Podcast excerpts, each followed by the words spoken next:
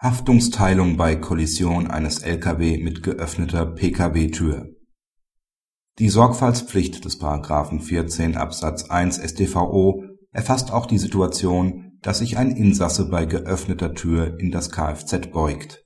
Bei einer Kollision mit einem vorbeifahrenden Fahrzeug kommt eine hälftige Schadensteilung in Betracht. Die geöffnete hintere linke Tür des parkenden Pkw des Klägers wurde durch einen vorbeifahrenden Lkw beschädigt. Dieser fuhr in einem Abstand von circa 0,95 Metern vorbei, dabei wurde die Tür weiter geöffnet, unter Umständen durch einen Luftzug, wodurch es zu einer Kollision kam. Das LG quotelte zu je 50 Prozent, was der BGH gebilligt hat. Entscheidend war, ob der Kläger die besonderen Sorgfaltsanforderungen des § 14 StVO zu beachten hatte. Diese besondere Pflicht sich beim Ein und Aussteigen so zu verhalten, dass eine Gefährdung anderer Verkehrsteilnehmer ausgeschlossen ist, gilt für alle Vorgänge, die damit in einem unmittelbaren zeitlichen und örtlichen Zusammenhang stehen.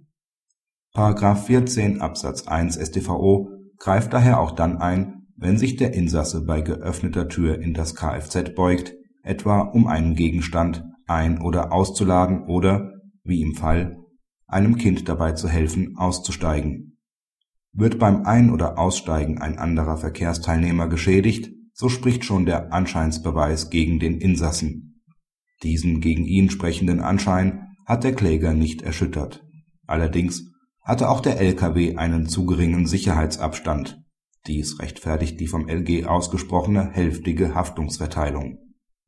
Praxishinweis auch in dieser Entscheidung hebt der BGH hervor, dass die Haftungsverteilung gemäß § 254 BGB, § 17 StVG Sache des Tatrichters ist und nur darauf überprüft wird, ob dieser alle in Betracht kommenden Umstände vollständig und richtig berücksichtigt hat. Dies war vorliegend der Fall, da der Kläger auch den Sorgfaltsmaßstab des § 14 StVO zu beachten hat